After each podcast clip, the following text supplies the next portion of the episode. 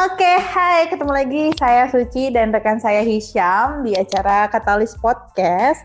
Kali ini tapi uh, apa ya, sedikit berbeda karena lagi-lagi kita harus uh, tapping di kondisi malam hari ya, guys, karena kesibukan kita juga sebagai announcer dan begitu pula kesibukan teman kita yang bakal menjadi bintang tamu pada episode kali ini. Iya benar banget teman-teman. Untuk kali ini kita akan tapping malam-malam lagi sehingga mungkin suara aku akan pelan-pelan karena kemarin dimarahin ibu kemarin aku. Iya dikatain apa lu sama mama lu? Iya apa kamu udah malam hati-hati dengan tetangga jangan ribut ketawa-ketawanya dijaga. nah gitu guys, itu tuh efek dari udah lama banget kita kagak pernah ngobrol ya sama temen-temen kita. Jadi sekali ngobrol tuh langsung kayak los aja gitu ketawanya los kewe los kewe oke okay. los kewe uh, mbak Suci mbak Suci hmm? pembicara kita sekarang siapa ya kira-kira pembicara kita ini sama seperti biasanya ya kita datangkan dari Teknik Kimia 2015 UGM tentunya. Uh, dia ini orang yang aku bilang masuk dalam kategori bejo ya Pak. Mohon maaf ini. Eh, par, jangan gitu dong bilangnya. Gimana dong? Nggak boleh kalau aku bilang bejo. boleh, boleh deh. Coba kenapa bejo? Iya, dia kategori bejo, eh, bukan bejo sih sebenarnya dia juga expert ya di di salix juga ya. Eh, tapi kalau kayak gitu aku membual Syam, nggak bisa aku Syam. ya, ya, jujur aja, jujur aja, coba jujur aja. Nanti eh, Syam, lu aja Syam sumpah. Oh, aku aja ya. Coba kamu tanya, coba kamu balik nanya. Oke okay, Syam, kali ini kita bakal kedatangan bintang tamu siapa nih kira-kira? Aduh, kalau ngomong bintang tamu kali ini tuh ya kayak itu idaman banget pendengar-pendengar podcast ini. Kenapa tuh bisa menjadi idaman? Soalnya kemarin ada yang nanyain, eh jangan yang jago-jago semua dong, jangan yang CV-nya bagus-bagus dong. Kali-kali yang mahasiswa biasa aja tapi kerjanya bagus. Ayo dong datengin. Wah gila, jadi dalam kata lain nih anak uh, udah kerja ya? Posisinya eh, udah kerja kan? Ya, anak ini posisinya udah kerja Oh gitu, eh gila sih. Eh, baru dapat jasa kemarin loh dia, Mei ini dia baru dapat jasa Mei ini. Oke, apakah anak ini dalam masuk dalam kategori bucik? Hmm, bucik itu kalau kamu artikan sebagai pemburu IP yang sangat-sangat licik dan jarang masuk kelas masuk ya ini. Oke, begitu ya sorry ternyata. Sorry loh, sorry loh. Pembicara nanti kalau kamu dengar ini dan tidak suka, kamu bisa potong kok. Oke, okay.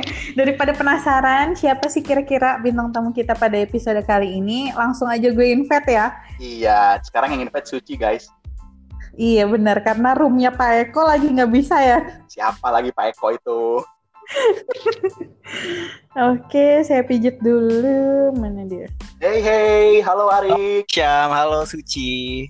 Halo, apa kabar Ari? Baik sekali, luar biasa. Oh, Oke, ini dia teman-teman. Teman-teman, ini dia uh, pembicara kita yaitu Mas Noval Ari. Halo. Depan lu, depan lu. ya gitu kayak yang udah dibilang Hisham. Jadi nama aku Noval Arik, lulusan Tekim, ini angkatan 2015. Wisudanya bulan Mei kemarin walaupun gak ada wisuda juga ya gara-gara Covid. Nah, bener kan? Bener kan? Bener kan Ci apa kataku tadi? Bener banget, ternyata dia mengakui dirinya ya Pak ya. ya ini Arik ini adalah salah satu legend ini, legend banget ya. Arik ini mewakili aspirasi dari uh, kritik dan saran yang masuk ke podcast kita ya Pak ya. Waduh, kenapa tuh? Ya jadi, jadi gini Rik, kemarin tuh ada yang bilang kayak gini Rik. Uh, kali-kali undang yang CV-nya biasa aja dong, tapi kerja di perusahaan yang bagus. Waduh, CV biasa aja. Oke, oke, oke. Nah, kita tapi, coba bongkar. Tapi... Gimana, gimana? Jadi um, CV biasa aja ya. Oke sih, bener sih, bener banget. Se, se, se, Jangan dulu, Rick. Jangan langsung masuk ke sana. Coba Suci mau bridging ke mana, Ci? Oke. Okay. Tapi menurut aku dianya ini kita kepoin aja dulu kesehariannya sebelum masuk ke CV. Soalnya kan masuk ke CV itu kayak langsung motong jalan gitu loh. Kita harus tahu dulu Arik nih kesehariannya di Tekim seperti apa. Oh gitu. iya benar-benar setuju.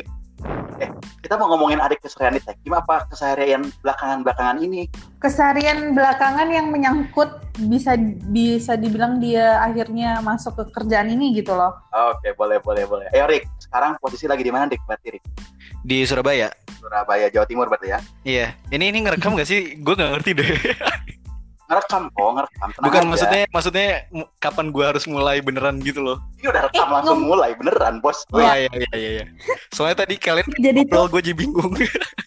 Tik ini tuh sebenarnya konsepnya tuh lebih ke apa ya? Kita ngobrol sesama teman gitu loh. Hmm, Jadi kayak nggak oke. kaku gitu. Bayang-bayang. Sip. Rik, halo. Halo, iya gimana Syam? Ya, posisi sekarang lagi di mana, Rik? Di Surabaya nih, jadi penempatan di sini untuk sementara ini. Iya, penempatan. Berarti Arik ini udah kerja dong. Nah gitu, jadi kan sebenarnya aku tuh masuk di bulan Januari ya keterimanya itu, eh, sorry keterimanya itu sebenarnya November, cuman kan baru masuk mulai buat trainingnya itu kan di Januari. Nah cuman gara-gara aku belum selesai skripsian, belum selesai TA, juga belum selesai KP dan belum selesai penel, jadi tugas besar Tekim kan ada tiga tuh. Nah itu aku belum selesai semua itu di bulan Januari. Habis aku training di Jakarta, aku tuh balik lagi ke Jogja nyelesain itu semua begitu. Nah, baru habis itu waktu balik lagi ke Jakarta, terus penempatan eh, training di sana sebut sekitar dua minggu lagi, terus penempatan deh di Surabaya sampai sekarang. Wah gila banget sih tuh. Jadi posisinya lu udah masuk ke company itu di saat kita lagi sibuk-sibuknya perteaan ya November itu kan. Ah, benar.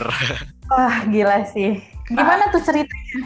Gimana ya? Em, gini sih, jadi kan kemarin tuh ya waktu waktu bulan-bulan Agustus, September, Oktober, November itu kan kayak ke- kerasa banget gitu loh perlahan-lahan tuh kayak teman-temanku yang deket-deket banget gitu tuh kayak lang- udah mulai pada pergi gitu, mulai pada cabut dari Jogja.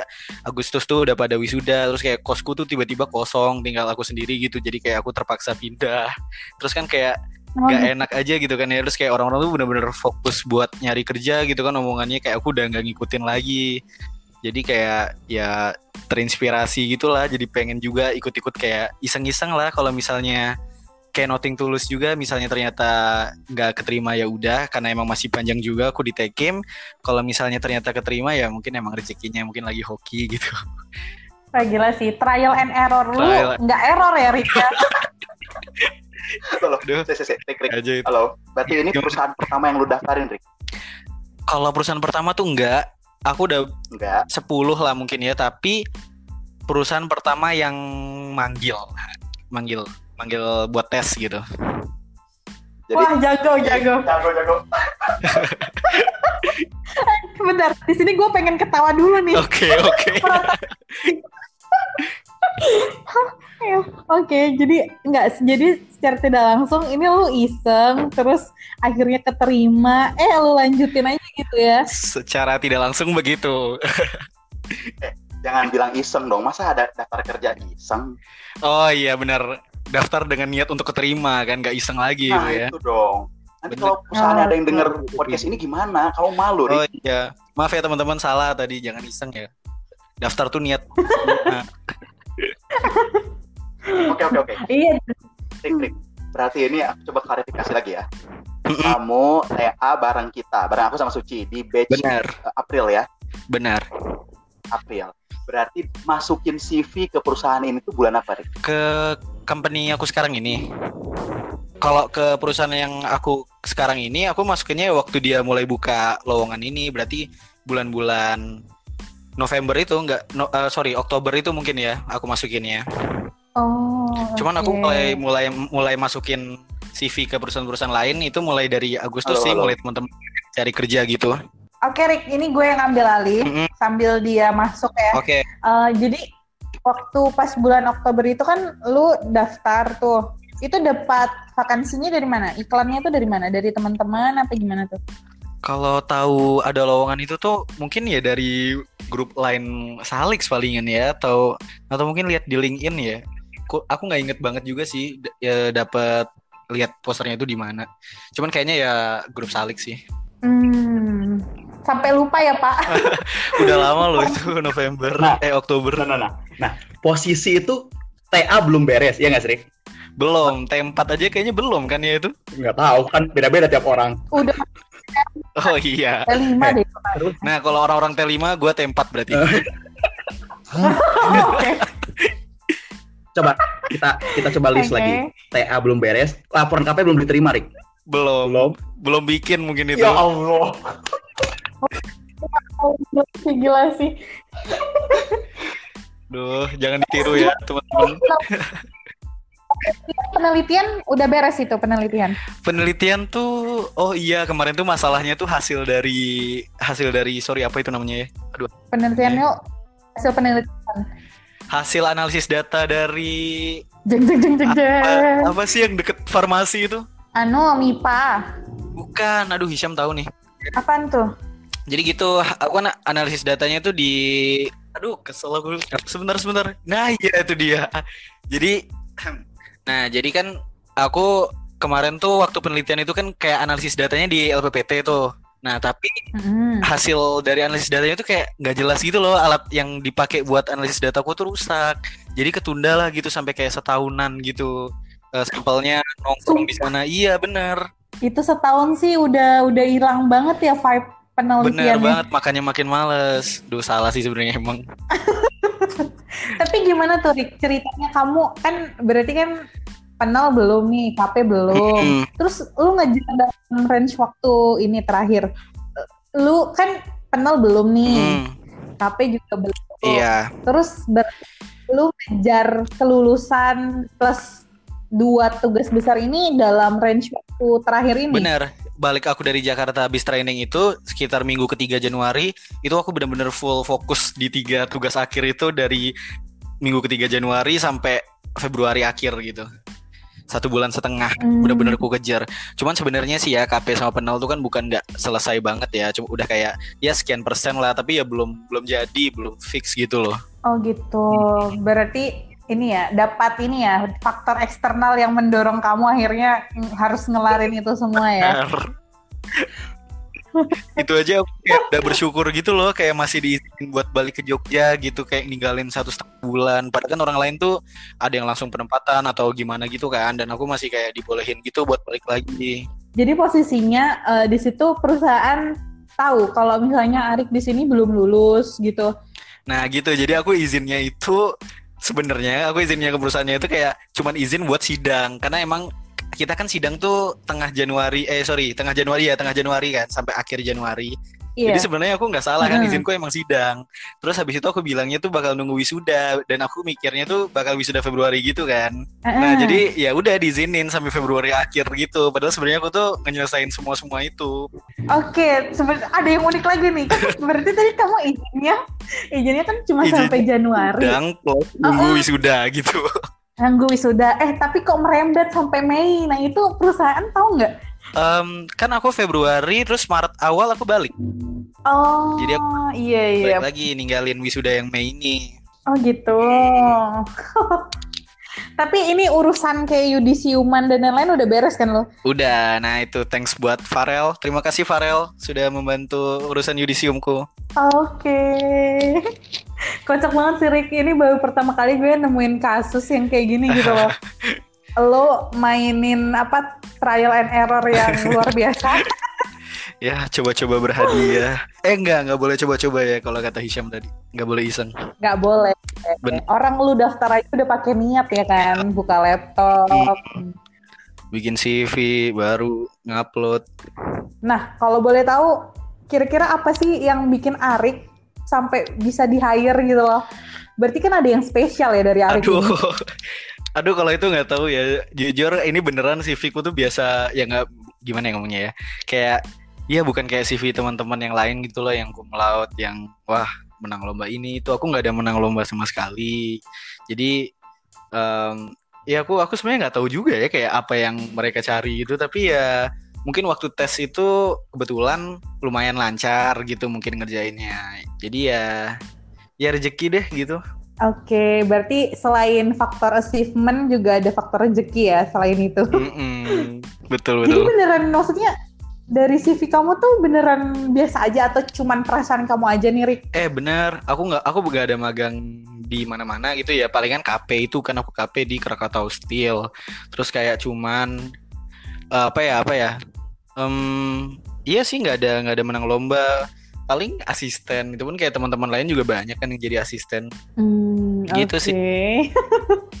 Jadi Sebenarnya aku lebih penasaran isi isi dari CV-mu sih kalau kayak gini ceritanya ya. Jadi saranku sih buat teman-teman ya eh, nggak usah minder sama CV sih. Kayak kalau kamu mau daftar tuh ya daftar aja. CV itu taruh aja bagusin bagusin desainnya. Terus kayak buat jangan ribet-ribet. Udah deh. Doa aja tuh dipanggil. Oke, benar-benar. Wah, seru banget nih teman-teman. Jadi ini ya sesuai harapan teman-teman akhirnya kita ngundang orang yang mem- apa ya berani bilang kalau CV-nya biasa aja tapi akhirnya dia terima gitu di perusahaan yang lumayan bagus. Eh, kalau boleh tahu Rik, dia sistem ini apa? Sistem seleksinya gimana tuh? Oh boleh boleh. Pakai bahasa Inggris kah? Gimana tuh? Mm-mm, jadi gini, kalau kalau di perusahaan ini nih, jadi dia tuh pertama habis kita input CV kan, nanti dia kan em, seleksi CV tuh, terus beberapa orang dipanggil. Nah, Dipanggilnya itu dalam beberapa wave gitu loh, dalam beberapa gelombang. Terus kayak waktu gelombangku itu, itu tuh ada 100 seratusan gitulah orang dat- datang buat dipanggil tes tertulis gitu di Jakarta di HO di head office-nya. Hmm, terus jadi Mhm. pertama tuh ya kayak biasa lah tes tes TPA gitu kan, psikotes, terus ya tes-tes personality gitu yang tertulis. Nah, baru nanti mulai dari tiap tahap tes ini ada ada cut-cut gitu buat eh, pendaftarnya itu. Jadi nanti terus berkurang gitu. Oke, sistem eliminasi ya Hmm, berarti. sistem eliminasi tuh. Terus ada FGD atau LGD gitu nggak? Oh gini, jadi kan em, kemarin tuh aku daftar tuh sebenarnya daftarnya tuh manajemen trainee ya.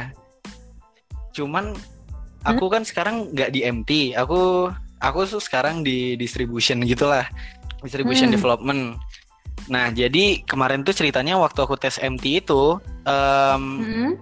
ketika sebagian orang ada yang lanjut tes MT, ada sebagian orang yang tidak lulus sama sekali dan ada sebagian orang yang lanjut ke tes non MT gitu ceritanya tuh Dan lu masuk di part masuk dia yang non MT itu jadi kayak lanjut tes buat Hmm. daftar perusahaan itu tapi nggak yang MT-nya kan aslinya daftarnya yang MT-nya nih gitu nah Oke. kalau yang nggak MT ini nanti wa- wawancara langsung sama user gitu tapi kalau yang MT itu baru ada FGD dan seterusnya gitu kalau Oh. MT lebih, lebih panjang lagi kemarin soalnya habis ngelihat snapgramnya Yove kalau Arik habis sidang ya. habis apa presentasi apa sidang itu Rik? nggak nggak itu presentasi biasa Oke, Rick, Rick, Oke. lanjut nih. Mm-mm. Kan gimana tadi udah cerita panjang lebar terkait ceritamu gimana bisa daftar, prosesnya gimana. Aku lebih aku lebih Mm, mm, mm. tertarik di arah kok berani-beraninya kamu tetap daftar walaupun belum beres itu banyak tugas akhir. gimana ya jadi ya sebenarnya itu kan nggak expect banget gitu kan langsung diterima dan dipanggil mulai kerja gitu kan Hmm. Jadi ya aku mikirnya tuh mungkin mungkin kalau misalnya keterima kayak ya mungkin bakal ditunggu gitu loh. Kayak aku bakal nyelesain dulu semuanya sampai Februari fokus. Tapi ternyata kayak yang tadi aku cerita itu ternyata Januari tetap harus ke Jakarta buat training gitu. Dan tapi untungnya ya yang tadi ternyata masih dibolehin buat aku balik lagi ke Jogja satu setengah bulan buat nyelesain semua tugas-tugas akhirku itu yang enggak yang tertelantarkan tapi gini ya sebenarnya tuh aku kemarin ada kayak dilema gitu loh soalnya dengan kepergianku ke Jakarta yang dua minggu lebih itu maka aku kan Mm-mm. dua minggu itu kan sebenarnya bisa jadi waktuku yang cukup berharga kan buat nyelesain KP dan penel Prep. dan TA ya TA selesai sih yang KP dan penelnya itu ya ya niatnya begitu Penyesalannya karena itu atau ada apa nih? Maksudnya penyesalannya Nah, gimana dilema tuh? itu gini, jadi kalau misalnya aku tetap pergi ke Jakarta, maka wisudaku mundur dengan waktu dua mingguku terbuang untuk mengerjakan KP dan penel begitu loh. Oke. Jadi kan aku akhirnya selesai mengurusi tiga hal itu kan di akhir Februari, yang artinya aku nggak bisa ikut yudisium Februari kan. Nah, Mm-mm. jadi itulah asal mula kenapa aku wisuda Mei. Nah, itu sih sebenarnya yang kemarin teman-teman Salik juga mikir sih, Ari kenapa sih kagak mau ini apa namanya wisuda sekarang gitu? Terus Iya. sempat ada yang nyeletuk, sempat ada yang nyeletuk gini, oh dia mah pengen nyantai-nyantai dulu gitu sampai bulan Mei. Apa? Ini aku Maret langsung pergi. Oke, oh berarti Pengen ternyata ada kesibukan. Sebenarnya. Kalau pengen ya pengen ya. Oke, Rick, Rick, sekarang terus kalau boleh tahu nih, gimana lu Hmm. bisa meyakinkan ha- ber- user, user nih, coba waktu wawancara user gimana tuh? Nah, gini Iya. gini, ini juga nih yang salah satu yang menurutku kayak hokiku banget. Jadi kemarin waktu daftar di user itu, itu kayak disuruh gini loh, kayak cerita, eh coba ceritain tentang kamu. Ya aku ceritain kan, aku dan segala pengalamanku yang ya sedang-sedang gini lah.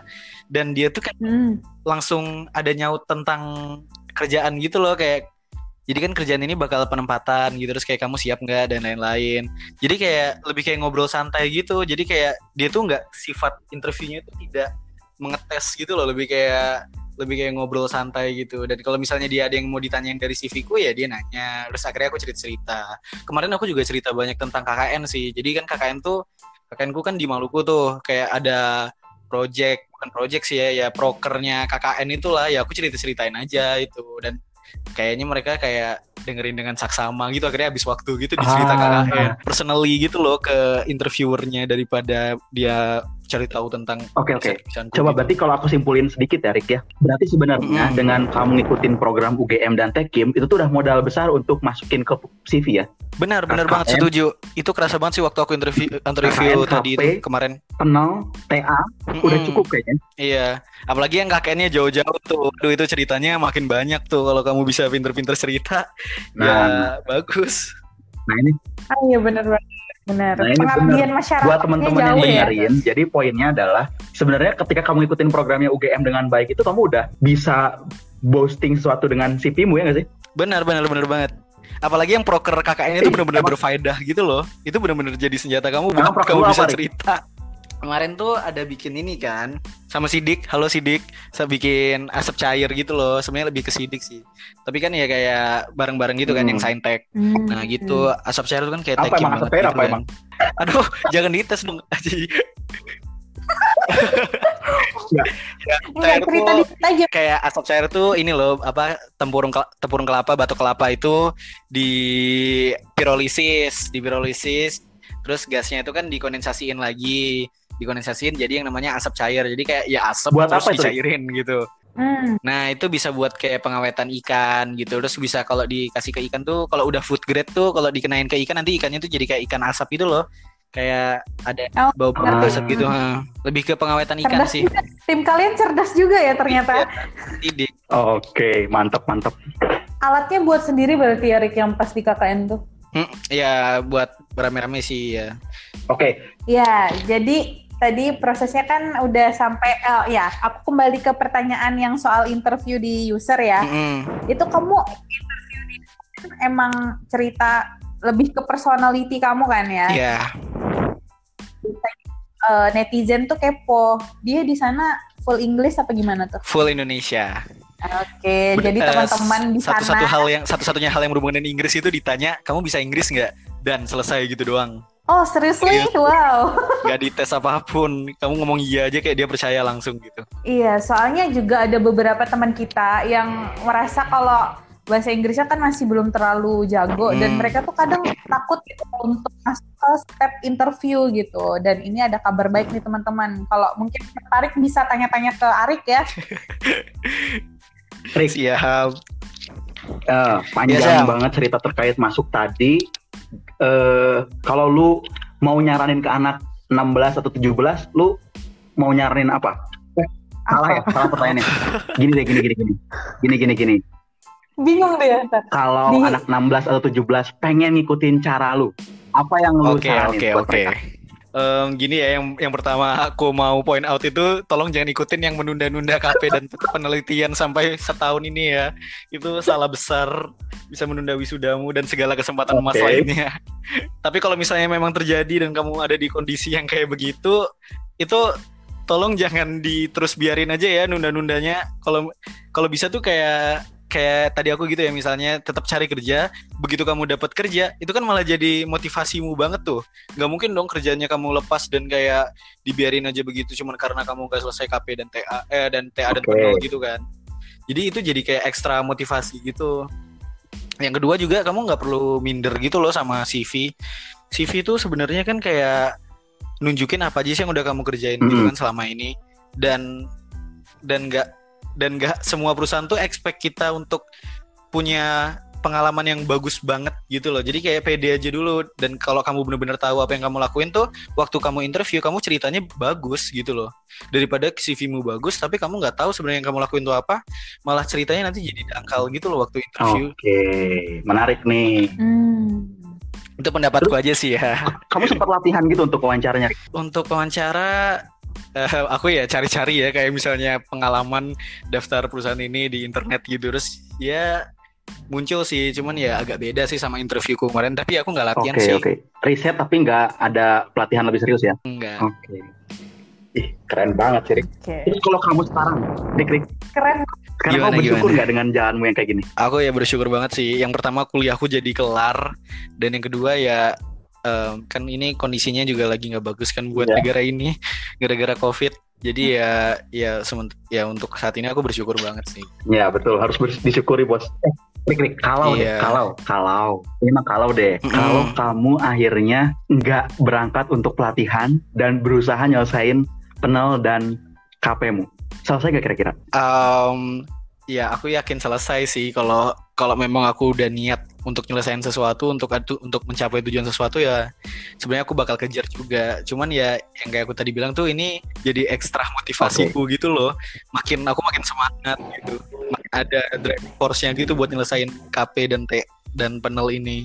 Apalagi selama ini aku bener-bener stuck gitu kan jadi kayak males kayak dan KP ku tuh kan kayak dosen pembimbingnya itu eh gimana nih dosen pembimbing itu kan aku rada agak gimana gitu ya Ya tau lah ya. Padahal kemarin ada di- dipuji-puji loh. oh iya bener baru yang di podcast kemarin bertolak belakang Iya makanya Heeh, makanya jangan dimention ntar Iya. ngilangin iya euforianya. bener bener bener bener Oke, gila sih gokil banget sih Rick. Gue salut banget punya sahabat yang sangat luar biasa kayak gini. Rik Rik, gimana eh, gimana Coba kita ulik lebih jauh ya. Eh, Oke. Gini deh, kalau kamu merasa dirimu tuh di Tekim itu performanya tinggi gak sih? jujur nggak sama sekali sih. Eh, bukan dibilang nggak bisa dibilang nggak sama sekali sih ya. Tapi nggak maksimal gitu. Jadi sebenarnya aku yakin kalau aku tuh bisa sih lebih asalkan aku punya niat dan usaha yang lebih. Tapi ternyata selama perkuliahan tuh aku ngerasa banget kalau aku tuh nggak nggak jelas banget gitu loh. Selama kuliah aku nggak merhatiin dengan baik. Dan aku makasih banget lu sama teman-temanku yang bener-bener bantuin aku selama kuliah ini kayak bener-bener mereka itulah yang kayak waktu sebelum ujian tuh ngajarin gitu dimension dong, dimension. Halo Sidik, Aan, dan teman-teman yang lain. Oh iya. iya. Rick kalau boleh tahu IPK lu ini nggak expert banget nggak? IPK, oke nggak? IPK menarik nih. Nah jadi IPK aku di semester 1 sampai semester 4 itu 2,6 sepertinya. Sama Rik. Oke. Semester 1 ku tuh Lalu? 2,6, semester 2 ku 2,4, semester 3 aku balik 2,6 lagi, semester 4 2,9. Udah apa tuh rata-rata ya. Oke oke. Terus Nah, apa yang bikin meningkat di- di semester setelahnya Rik? Di final meningkat itu waktu aku ngambil KI itu loh yang 4 SKS terus dapat A itu di semester 5 kalau nggak salah aku ngambilnya. Dan itu ya naik sih itu kayak di PK aku di semester itu kayaknya 3,4 gitu loh. Itu bagi aku udah kayak kayak kayak cum laude gitu ya biasa dapat 2,6 tiba-tiba dapat 3,4 Oke. Mulai semester 6 semester 7 itu ya aku udah sadar diri lah kalau misalnya mau bakal mau cari kerja gitu kan dan kalau aku nggak berubah atas tindakanku selama ini ya ya ya mungkin aku nggak bakal kayak sekarang ini gitu loh Momen-momen sadarnya apa Rik? Rik?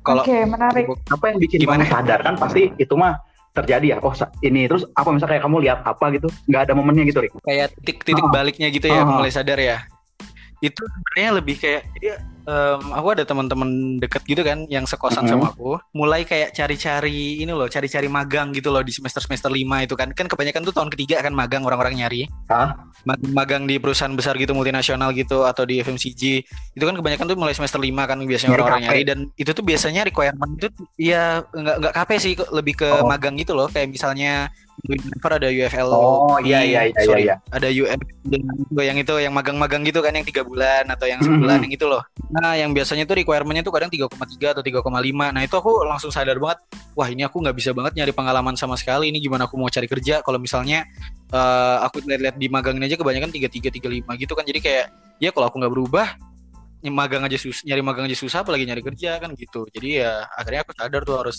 mulai bener-bener benah diri Tercengang saya tercengang. Suci kenapa tercengang Suci? tercengang gitu. Kayak orang yang slow banget slow banget yang kayak gitu. Tapi ternyata juga mikirin bener sih kayak ini kembali lagi ke percakapannya Agung ya. Kayak orang-orang yang slow tuh ternyata dia juga mikirin gitu. Iya, cewek cuman ya iya memang pembawaannya tuh cuman ya kita memang anaknya santai. Tapi ya dasarannya memang mikir Nah. gitu ke depan. Jelas Bicara Shock ke saya depan nih, ada rencana ke depan gimana Rick? Apakah oke dikerjain dulu yang sekarang atau udah kepikiran yang lain? Waduh kalau rencana ke depan sih jujur aku belum banyak dan ya ada sih keinginan untuk melakukan hal ini dan itu yang sebenarnya aku belum yakin juga tapi kalau untuk rencana ke depan sih belum belum jelas gitu ya. Jadi aku lebih ya live in the moment lah, maksimalin yang ada sekarang Oke, oke. gitu. Ya itu juga itu, itu bagus sih. Menurutku itu poin penting ya Rick untuk perform dulu di yang sekarang ya. Hmm. Betul, karena perform lu sekarang itulah yang nentuin masa depan lu. Jadi regardless lu dan nentuin masa depan lu mau ini mau itu, kalau lu sekarang nggak perform ya sama aja sama aja bohong gitu loh. Gitu loh guys, gitu loh. dengerin dong guys dengerin Aduh, kok berasa preaching banget ya ini. Oke Ci, apa Ci? Gimana? udah gue speechless speechless gue kalau pembawaannya kayak gini Kalau ini dari Rick, eh, Iya, iya. kan kan udah berarti udah udah kerja nih di tempatmu sekarang. Kalau Hmm. mau kalau aku tanya orang seperti apa sih yang cocok di perusahaanmu sekarang?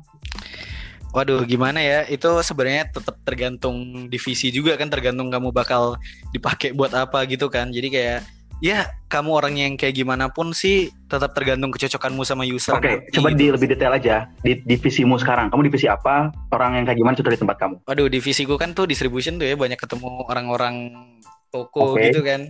Jadi ya kalau bisa tuh yang jangan jangan malu-malu lah kalau misalnya ngobrol sama orang nggak kenal gitu orang baru. Yang sebenarnya ada nggak cocok juga ya sama aku ya, tapi aku jalanin aja lah siapa tahu bisa. Terus? Terus apa ya? Kalau di tempatku tuh kan ini ya analisis data banget Oke. gitu ya.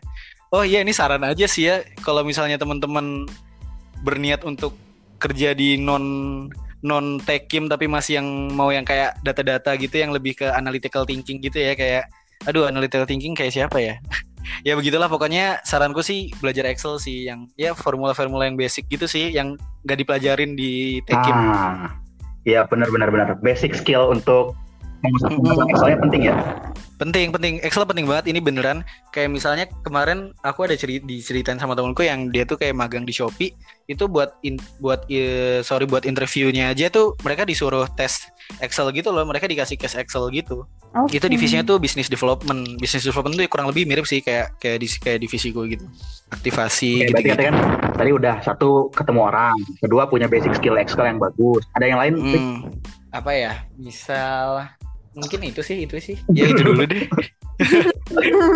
Eh, Rick, kalau boleh tahu nggak? Ini enaknya nanti kamu jawab aja mau dimasukin atau enggak. Tapi kalau boleh tahu ini kontrak atau udah tetap? Oh iya, ini masukin aja Mhm. saya masukin. Oke oke.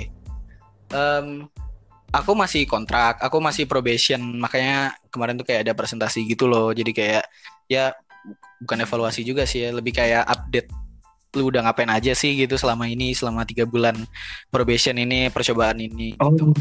Terus nanti habis setelah probation ini mungkin bisa jadi langsung tetap ataupun bisa juga jadi kontrak dulu berapa bulan baru tetap. oke. Yang probation Gimana? bareng lu berapa orang?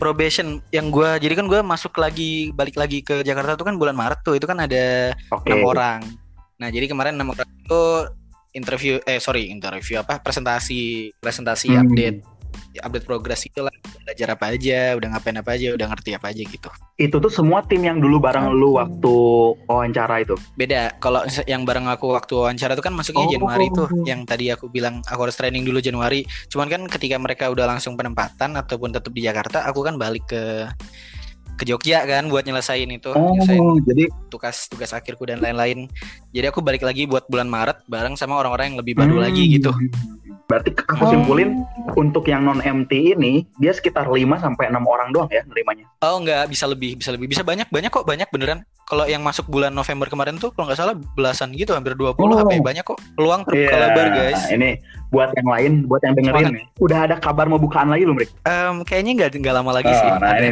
ditunggu aja buat teman-teman yang berminat. Eh, Rick, apa bed- tadi kan distribution itu jualan. Mm. Kan tadi lu udah cerita bahwa lu itu distribution. Sedangkan ada Hmm. juga yang marketing.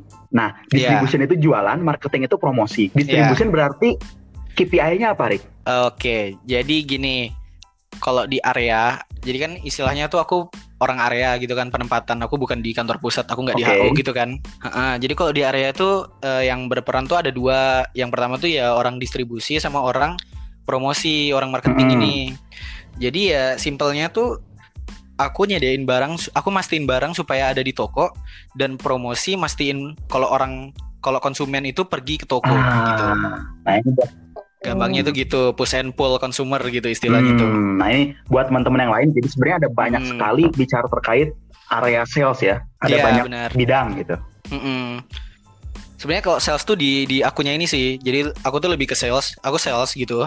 Kayak mas misalnya aku anggaplah anggaplah penempatannya di ya di Surabaya gitu. Jadi ya mastiin kayak seluruh toko-toko di Surabaya itu sebisa mungkin ada produk perusahaanku ini dan variannya lengkap Oke. gitu.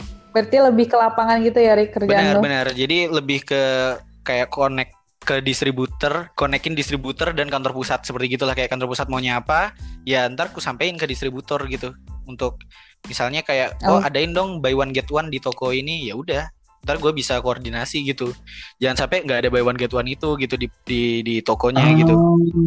dan kalau yang promosi ini mereka misalnya bisa ngadain gini kayak eh, bisa ngadain virtual class atau bisa ngadain kayak senam jantung sehat gitu yang misalnya senam jantung sehat bersama brand gitu jadi kayak mereka mastiin supaya orang tuh tahu dulu ada brandnya I gitu see, I see, I see. Lu bicara barangnya ya. Mm-mm. Iya, dan gue nyediain barang gitu kayak yang satu nyuruh pergi ke toko, yang satu nyediain barang di toko. Akhirnya kan terjadi transaksi deh. Jago jago. Jago jago. Berarti Orang nambah pertanyaan gitu ya pikiran aduh. Jangan kaget ya kalau bentar lagi gue tiba-tiba nawarin barang. ya ibu silakan ini bu, santennya ibu. Oke oke, Rik Rik.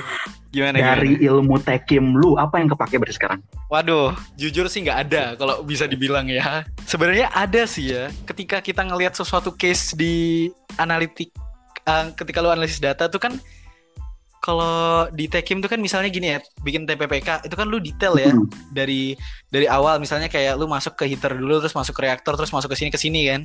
Itu ngebuat cara berpikir kita kalau lu lagi lihat analisis data tuh ya detail. Lu bener-bener eh, kritis gitu loh tentang problem yang lu hadapin gitu kayak lu pecah lagi problemnya itu jadi problem yang kecil-kecil dan lu solve satu-satu sampai lu bener-bener nemuin akar permasalahannya itu di mana gitu loh. Ih, cantik. Nah ini Oke. buat teman-teman dari kemarin bilang, oh yang kepake analytical thinking, analytical yang ini. Ya nggak sih, Ci? Mm-mm, benar logical thinkingnya juga. betul hmm. sekali. Jadi lebih sistematis Iya, gitu benar. kan, Rik Iya. maksud lu. Iya sih, gue juga kebawa gitu sih. Kayak jatuhnya perfeksionis, tapi bukan perfeksionis. Gimana ya? Udah kebawa aja sistematis gitu kan. Iya. Nggak ngelihat sesuatu tuh kayak di generalisir gitu loh. Kita peduli akan hal kecilnya Nah, gitu. Yang yang mana biasanya tuh Iya. hal kecilnya ini loh yang memberi dampak besar yang kadang kita nggak tahu Uh, kan. mantep banget. Iya, Pak. gile gile. Gue tahu sih alasan kenapa itu perusahaan Nah, ini akhirnya bener. nge-hire dia. Gimana kan. kenapa? Banget Jadi ya. ini poin penting ya teman-teman. Kalian tuh nggak, Soalnya kalian tuh tetap harus stand out. Kalian tuh tetap Uh-uh. harus punya kemampuan itu. Walaupun eh, orang-orang lihat Ari kayak gimana, tapi dia emang punya kemampuan ini untuk bicara kayak gitu, untuk tahu hal-hal detail, untuk bisa execute dengan baik. Waduh. Iya, Arik itu ternyata juga ini jago banget memang dari speakingnya juga deliver Iya, ke itu orang-orangnya juga bagus. Ari tuh sih, Syam. meyakinkan cuy. Jadi ya wah. iya gak sih? Gue aja tadi ini anak jago juga ya gitu. ini sekedar ini aja Rick ya ini sekedar pembicaraan antar kita aja ya tadi Iya, di pembukaan Suci tuh bilang kayak gini aduh aku nggak enak kalau bohong tentang Arik. It's okay kok, it's okay. Kan aku emang rada-rada nggak terlalu nggak terlalu gimana ya nggak terlalu deket ke semua orang juga gitu kan. Jadi kayak ya it's okay. Iya Rick, sorry Rick, gue tuh orangnya memang gue tuh tipikal orang yang jujur dan nyablak Iya, ya iya. Rick. Dan apa ya gak suka mensmoothkan segala sesuatu gitu loh Rick. Terus kata Hisham eh jangan kayak gitu pembukaannya gitu. Terus gue aku gak bisa Akhirnya apa ini jadi pembukaannya? "Nan- nanti lu denger aja Selain ke jadi." Hisham Oh, akhirnya gitu. udah sih ya udah kegali semua rasa penasaran netizen karena sebenarnya kehadiran kami di sini itu Rick untuk mengklarifikasi isu-isu yang beredar di dunia Waduh, pertekiman. oke Asli, oke lu oke. tuh legendaris Rick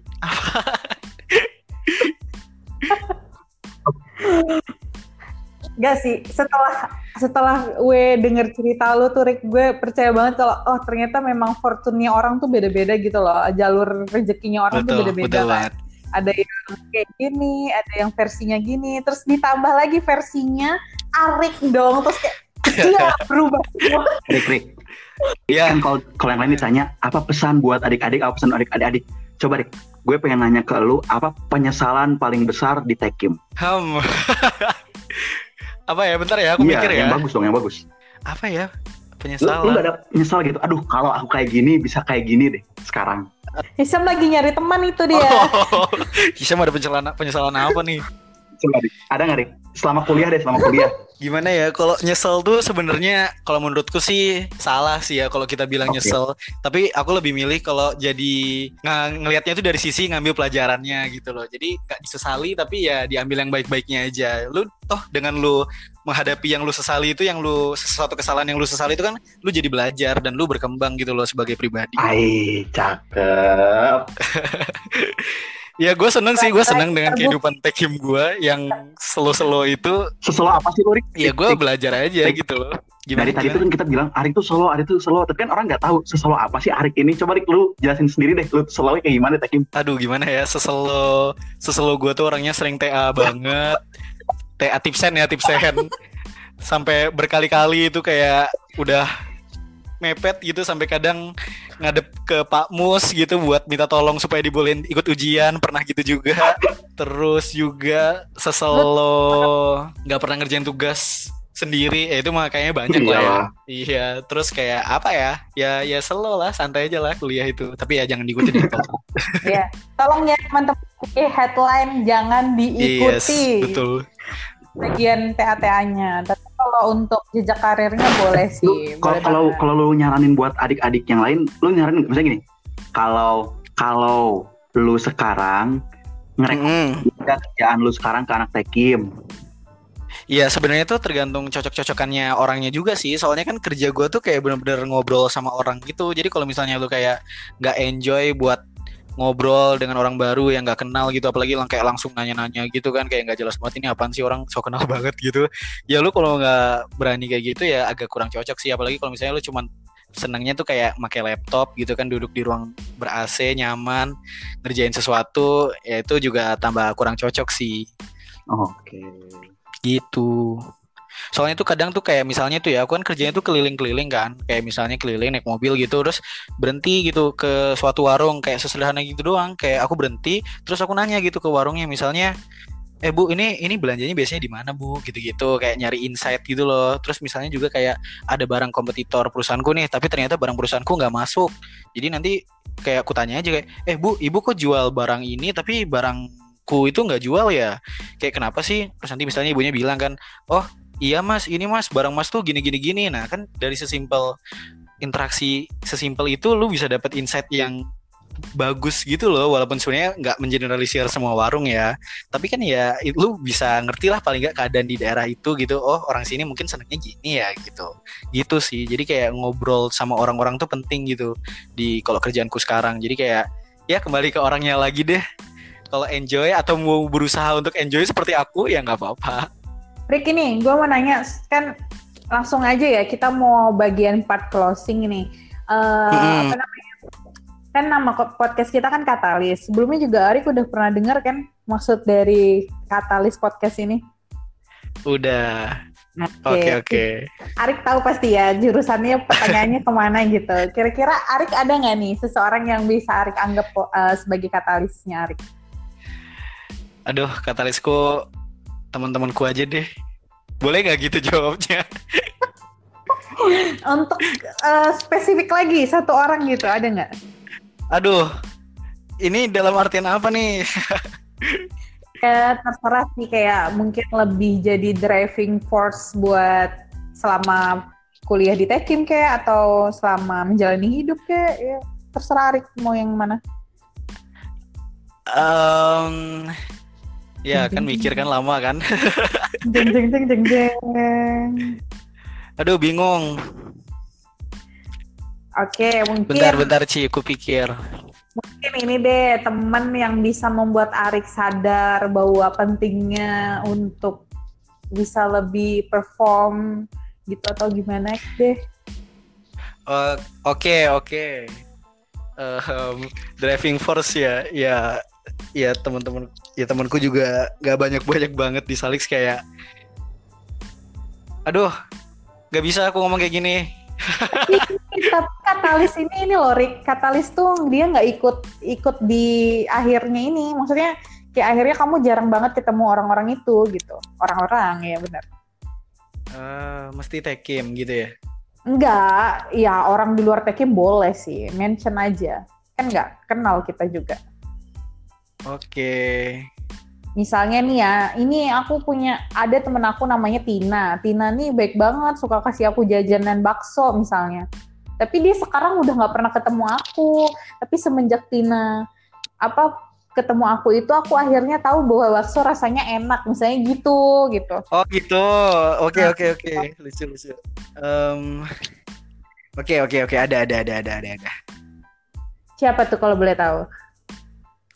Ya jadi gini aku waktu semester semester 4 semester 5 tuh ada kayak temen yang ya deket lah deket banget gitu. Cuman di akhir semester 5 atau semester 4 itu aku lupa ya kita nggak nggak nggak barengan lagi gitu. Kayak ternyata memang kayak gimana ya kayak ya nggak nggak cocok lagi aja gitu. Kayak nggak sefrekuensi lagi. Tapi selama selama aku sering ngabisin waktu bareng dia tuh kayak aku ngerasa eh, hidup aku di Tekim itu tuh nggak cuman di Tekim doang gitu loh. Jadi selama ini kan aku kayak fokus banget tuh misalnya semester awal walaupun slow-slow kan tapi kayak fokus di fokus lah gitu kayak mainnya mainannya kayak cuman di ya di kampus terus di kos gitu.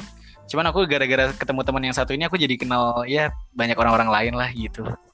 Iya, gitu kalau sih. cuman ya karena suatu hal dan lainnya ya udah nggak udah nggak ketemu lagi gitu. Oke, kalau boleh tahu orangnya ada di departemen kita apa enggak, Rik? Bukan departemen sebelah. Ah, departemen sebelah tetangga satu Oke, kompleks. Enggak. Satu Satu satu komplek kok. Oh, satu komplek. Oke, mungkin semoga doi denger ya podcastnya. Iya, tapi semoga jangan lah ya. Oke. Oke, kalau eh, se- di ending episode itu biasanya kita juga nantangin teman salik sih. Kira-kira siapa sih person? Hmm, Oke. Oke, Oke. di, di, di akhir episode kira-kira Hmm, Arik penasaran sama person siapa nih di Salik kayak atau mungkin 2016 2017 kalau mau eh, aku penasaran ini sih. Aku sama kayak Arga kemarin aku penasaran sama Novri sama Sidik yang sekarang tuh lagi di mes. Aku penasaran banget sama kehidupan di mesnya itu gimana. Oke Sehari-hari. Full Iya, di tempat kerja gitu kan. oke buat Novri dan Sidik ya berulang kali Iya. di mention berulang kali di mention tapi kita Ini belum sempat harus Oke, Rick, terima kasih Oke, buat siap. semua yang udah lu ceritain. Ini benar-benar membuka membuka kita untuk ke cerita-cerita yang kayak gini. Banyak sebenarnya yang terjadi kayak gini. Tahu? Ya, lu adalah salah satu contohnya lah. Oke, oke. Tetap berkarya terus, Rick. Oke. Tetap eh, struggle di tempatmu. Lakukan yang terbaik saat ini. Hmm. Live the moment. Bener. Oke, setuju banget. semangat terus buat Arik untuk keliling-keliling ya di kompleks-kompleks Iya. Oke. kalau boleh kalau boleh Rik salam juga sama penjual-penjualnya ya Oke. Ntar aku suruh dengerin katalis ya. Ntar biar anak-anaknya mereka suruh masuk tekim gitu kan. Oke, bener banget. Siapa tahu tertarik ya, bener. Oke deh. Iya, Rick. Eh, seru banget ya sih kalau kalau podcast kita ini dipromosiin sama Arif keliling-keliling gitu. Aduh, gue bayangin.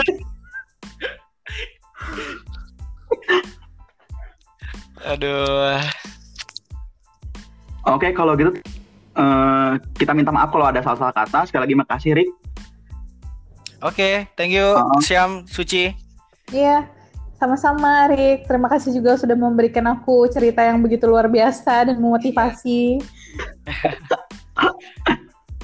Iya, sip, sip. Kalau gitu bisa keluar aja, Rick. Live aja.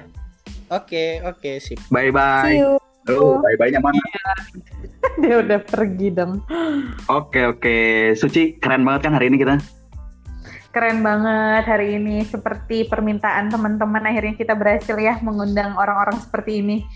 Iya, jadi buat teman-teman Salix terutama yang lain, sebenarnya kalian tuh punya pasti punya cerita yang bisa kalian bagiin. Iya, bener banget. Karena aku sendiri pribadi ya mikirnya kita tuh semua spesial gitu. Spesial dalam artian kita punya cerita yang keren dengan versi kita gitu. Jadi jangan takut untuk show off gitu. Ih, cantik bener banget tuh, Ci. So, pembelajaran hari ini apa yang kamu dapat nih, Syam? Kalau aku sih lebih manfaatin kesempatan yang ada, apa pun kondisimu. Setuju banget. Arik, Jadi Arik jangan mungkin, Arik mungkin kehalang sama TA, penel, KP, belum beres, tapi dia tetap oke aku pengen kerja, oke aku tetap berjuang, aku tetap cari, tetap aku tetap struggle. Orang yang nggak akan dapat itu adalah orang yang dari awal nggak ngelakuin. Iya. Karena dari sebanyaknya orang yang udah kita datangkan ke sini ya, Syam, itu juga rata-rata pada bilang, lakuin dulu gitu. Jangan mikir banyak dulu baru kamu lakuin. Tapi lakuin dulu sambil berbenah diri. Karena pastilah kita tuh kayak improving diri tuh pasti ada gitu di setiap harinya. Ih, itu benar banget. Jadi manusia itu ya yang yang salah satunya yang pasti di manusia adalah ketidakpastian gitu kan.